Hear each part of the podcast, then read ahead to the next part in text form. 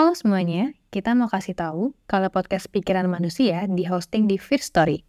Jadi, First Story itu merupakan platform hosting podcast yang super lengkap. Sangat user-friendly dan tentunya 100% gratis. Pastinya tiap episode akan otomatis didistribusikan ke berbagai platform podcast hits di Indonesia. Nah, kabar baiknya, melalui First Story, kamu juga bisa monetisasi podcast kamu. Jadi tunggu apa lagi? Raih potensi maksimal podcastmu menggunakan tools dari platform hosting terbaik untuk podcaster. Daftar sekarang di fearstory.me dan bawa mimpi podcastingmu menjadi kenyataan.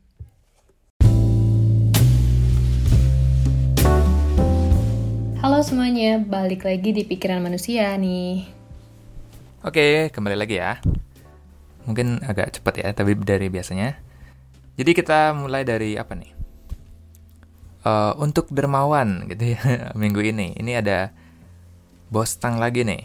Terus ada Moskus dan Naufal. Oke, thank you ya untuk uh, supportnya yang tidak henti-hentinya. The best lah ya untuk kalian. Ya, thank you so much ya untuk supportnya dalam bentuk apa pun itu. Uh, ya, seperti yang kalian dengar juga di awal kan, uh, kita udah ada iklan lagi ya. Hore gitu ya. Ya, hore sih, tapi jangan berhenti nyawer ya. Jangan. Bebas ya maksudnya ya. Oke, sekarang kita langsung masuk aja kali ya ke episode kali ini. Uh, tapi kali ini aku mau eksperimen dikit ya. Jadi mungkin episode kali nggak nggak sepanjang biasanya tapi frekuensi uploadnya harusnya lebih sering jadinya gitu ya. Semoga pakai strategi ini gitu ya kita apa ya, lebih luas saja bisa menjangkau orang-orang mungkin yang nggak apa ya nggak tahan dengan uh, episode panjang-panjang gitu. Oke kita mulai ya. Jadi kali ini merupakan uh, suatu argumen terkenal gitu ya yang pernah dibuat oleh Carl Sagan dalam bukunya yang berjudul uh, Demon Haunted World. Um, dan siapakah Carl Sagan ini? Buat yang nggak tahu nih. Nah, dia sebenarnya seorang ilmuwan, tapi lebih dikenal gitu ya sebagai science communicator lah ya. Nggak tahu zaman berapa ya? 80-an atau nggak tahu ya. Kalau nggak tahu science communicator itu yang kayak sekarang itu ya, yang sekarang ada gitu ya. Kerjanya kayak si Neil deGrasse Tyson itu kan sering muncul tuh di TikTok atau di mana. Si Michael Shermer, uh, Bill Nye gitu ya atau Brian Cox itu itu itu semua yang mengkomunikasi gitu ya yang mem, apa memperkenalkan sains ke halayak umum ke publik gitu. Ya pokoknya intinya orang-orang yang mempromote scientific thinking lah gitulah pokoknya. Terus uh, emang gimana nih argumennya Carl Sagan? Sampai kamu pengen bikin episode tentang argumennya dia. Emangnya segitu penting? Alasan kenapa argumen ini penting, mungkin aku jawab belakangan aja ya. Kita dengar dulu aja nih argumennya dia.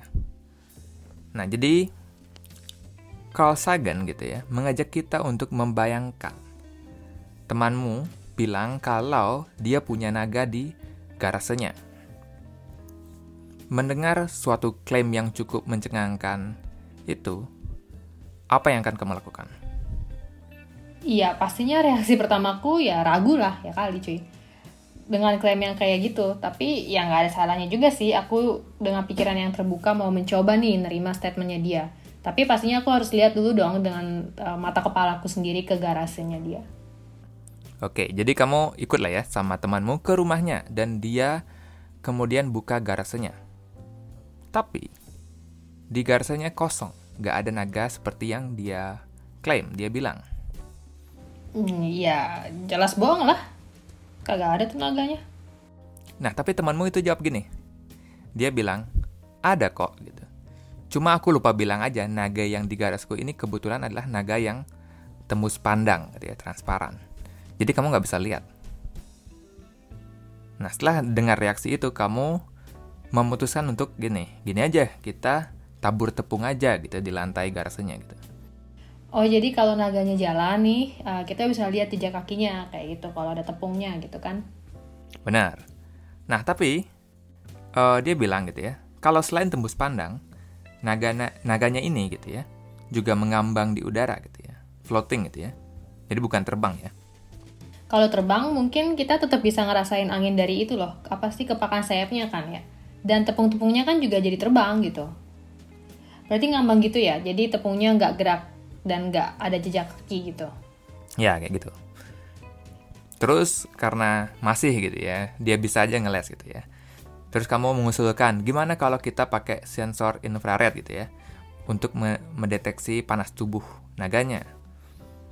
Uh, dan juga dia kan punya semburan api gitu ya. Kan bakal kelihatan gitu ya, kedetek sama kamera infrared. Udah, kamu bilang gitu. Terus, setelah kamu bilang itu, temenmu balas lagi. Dia bilang, tapi naga ini tidak memiliki panas tubuh gitu ya. Jadi nggak bakal kelihatan juga di infrared gitu. Hitless gitu.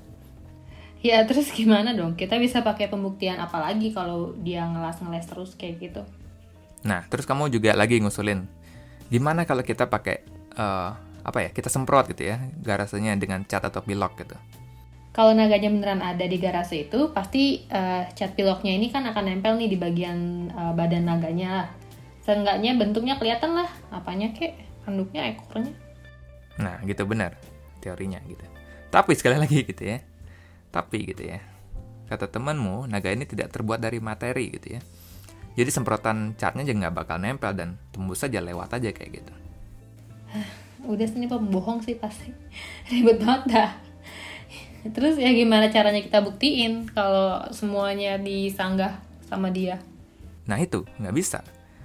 Carl Sagan bilang gini, apa bedanya gitu ya, naga yang tembus pandang, mengambang, tidak panas, tidak terbuat dari materi, apa bedanya itu dengan tidak ada naga sama sekali gitu ya? Ya naga yang kayak gitu sama nggak ada naga ya sama aja, nggak ada bedanya. Berarti jika semua tes fisik nggak bisa dilakuin, kita boleh dong skeptis dengan klaim yang dia buat. Atau mungkin dia mimpi atau halu gitu. Ya mungkin aja gitu ya. Tapi meskipun anggaplah tiba-tiba banyak orang yang buat klaim yang sama gitu ya. Uh, bukan berarti gitu ya, walaupun banyak orang yang ngomong gitu, bukan berarti kita menjadi mulai percaya bahwa ada naga di garis setiap orang. Bahkan gitu ya, sekarang anggaplah juga ada orang yang menemukan jejak kaki naga di tepung yang ditebar gitu di bawah. Atau jari seseorang terbakar gitu ya, katanya gara-gara kena api naga. Tetap aja itu bukanlah bukti yang kuat gitu. Ya karena gampang dipalsuin juga ya kan. Jejak kaki bisa dibikin lah kalau jadi kebakar mah bukan cuma karena naga itu mah bisa jadi dia bakar sendiri atau di kompor kena kompor gitu kena rokok. Nah itu ya, makanya Kak Sagan terkenal dengan quotes-nya bilang, extraordinary claims gitu ya, require extraordinary evidence. Atau, klaim yang luar biasa memerlukan bukti-bukti yang luar biasa. Jadi klaim naga yang luar biasa ini, bahkan ketika ada bukti seperti jejak kaki atau jari orang kebakar, bukanlah bukti yang luar biasa yang dapat dengan mudah membuktikan klaim tersebut menjadi benar. Nah, itu poin dari argumennya Carl Sagan gitu ya mengenai klaim ada naga di Karase gitu. Pada masanya argumen ini uh, dia gunakan gitu ya untuk melawan klaim-klaim seperti penculikan alien gitu ya atau konspirasi lainnya gitu ya atau apa uh, Bermuda Triangle gitu kan. Ingat juga kan kita ada video Bigfoot gitu ya yang jalan, ada crop circle lah dan lain-lain. Gitu. Ini mirip juga nggak sih sama pandangannya Hume, which are more likely mana yang lebih mungkin ada Bigfoot kerekam kamera atau ada orang pakai baju gorila buat bikin sensasi aja? Ya kayak gitu. Aku nggak bakal bahas detail uh, gimana Carl Sagan mengungkap atau menyanggah video-video penangkapan UFO lah atau konspirasi segitiga Bermuda gitu ya atau video Bigfoot itu udah banyak lah ya di internet kita kalian bisa cari-cari. Tapi mungkin uh, kalian yang dengerin ini ada yang suka teori konspirasi gitu ya. Kayak suka penampakan UFO gitu atau kita dari planet Nibiru lah gitu ya. Kalian menganggap apa yang Carl Sagan ini lakukan adalah menghancurkan apa ya uh, belief-belief kalian itu ya harapan-harapan itu ya. Dulu pun aku pas SMK juga suka gitu baca-baca teori-teori kayak gitu. Emang seru aja. Harus diakui gitu ya. Sangat seru dan menarik jika itu ya merupakan hal yang benar. Tapi hendaknya kita tidak memaksa uh, realitas seperti apa yang kita anggap menarik gitu kan. Dan ketika ditanya apakah ada kehidupan lain di luar sana gitu ya, apakah ada alien di luar sana? Carl Sagan jawabnya gini dia bilang. Dengan uh, luasnya alam semesta dan begitu luar biasa banyaknya planet yang ada, akan sangat mengejutkan gitu ya. Dia bilang dia sangat terkejut jika bumi ini satu-satunya kehidupan yang ada gitu ya. Gitu ya. Dia jawabnya kayak gitu. Jadi ngerti nggak sih kamu di mana dia ngejawabnya kayak gitu? Ya dia tidak secara gamblang bilang alien itu ada apa enggak. Tapi dia nunjukin bahwa chance cuma bumilah yang memiliki kehidupan itu sangat kecil. Dan kemungkinan besar memang ada kehidupan di luar sana. Tapi kan kamu nggak boleh juga langsung dengan PD-nya membuat klaim yang luar biasa bahwa pasti ada kehidupan nih lain di galaksi tetangga nih misalnya. Ya gitu. Itu yang aku mau tunjukin sebenarnya. Uh, buatlah gitu ya, jawabanmu ketika membuat klaim itu bernuansa gitu ya. Perhatikan peluang atau persentase kemungkinannya gitu ya. Jangan kayak hitam putih ada enggak gitu ya. Or yes no gitu aja nggak jangan gitu. Dengan memahami ini gitu ya, harusnya tidak membuat kita sedih gitu ya atau tidak bersemangat karena realitas ya cuma gini-gini aja gitu ya nggak ada Bigfoot, crop circle itu bohongan gitu ya dan lain-lain. Tapi harusnya kita merasa terbebas gitu dari apa wishful thinking untuk terlalu berangan-angan. Dan jawaban nggak tahu gitu ya atau belum tahu itu sebenarnya nggak apa-apa. Kita oke okay, gitu untuk mengakui ketidaktahuan kita. Iya kayak Socrates aja gitu. I know that I know nothing Mengakui ketidaktahuanmu malah menunjukkan bahwa kamu lebih tahu dari orang yang sok-sok tahu gitu. Nah, tapi gimana nih sekarang kalau ada orang yang membuat klaim yang luar biasa, terus dia bilang gini, kalau kamu nggak bisa buktiin kalau klaimku salah, ya berarti klaimku bener dong atau belum terbantahkan. Misal nih, orang yang klaim naga tersebut bilang, kalau kamu nggak punya bukti bahwa naga di garaseku tuh nggak ada, baru kamu bisa bantah klaimnya dia. Kalau kamu nggak punya bukti kalau naga itu nggak ada, ya klaim itu masih bertahan. Nah, satu lagi nih, itu itu respon yang sangat umum gitu ya, sering sering dijawab orang-orang yang apa ya percaya konspirasi gitu. Kita gitu yang disuruh membuktikan kalau mereka salah gitu ya.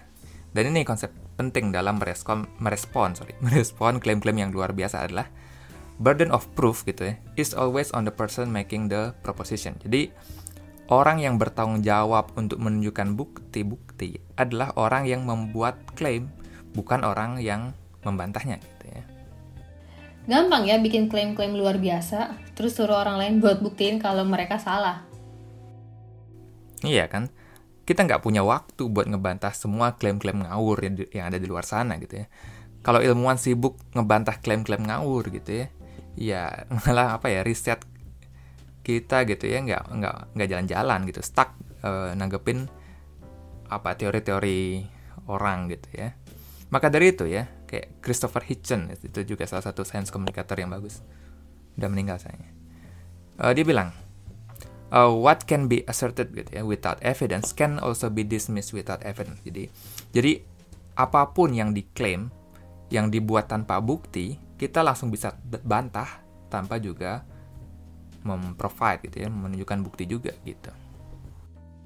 Episode kali ini tuh uh, lebih ke bagaimana berpikir kritis dan rasional ya dalam melihat suatu fenomena.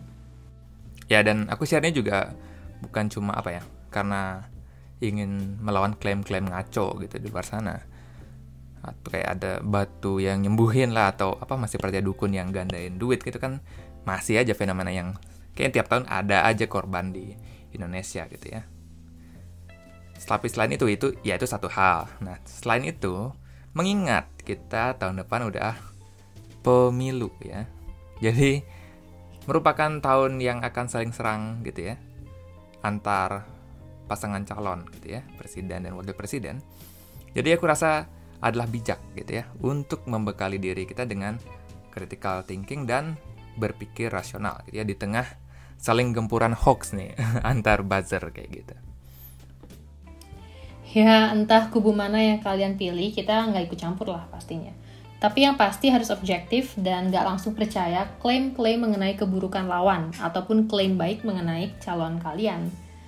Ya kan kayak yang dibilang Pramudia, harus adil sejak dalam pikiran. Oke, okay. paling itu dulu untuk uh, episode ini mengenai apa krit berpikir kritis dan rasional gitu ya. Nanti mungkin ada lagi beberapa metode-metode atau argumen-argumen lain yang kita bisa gunakan untuk melihat satu klaim atau fenomena gitu. Jadi masih ada banyak tentang rasionalitas yang aku pengen bahas ya. Oke, thank you ya yang udah mau dengerin. Bye-bye. Bye.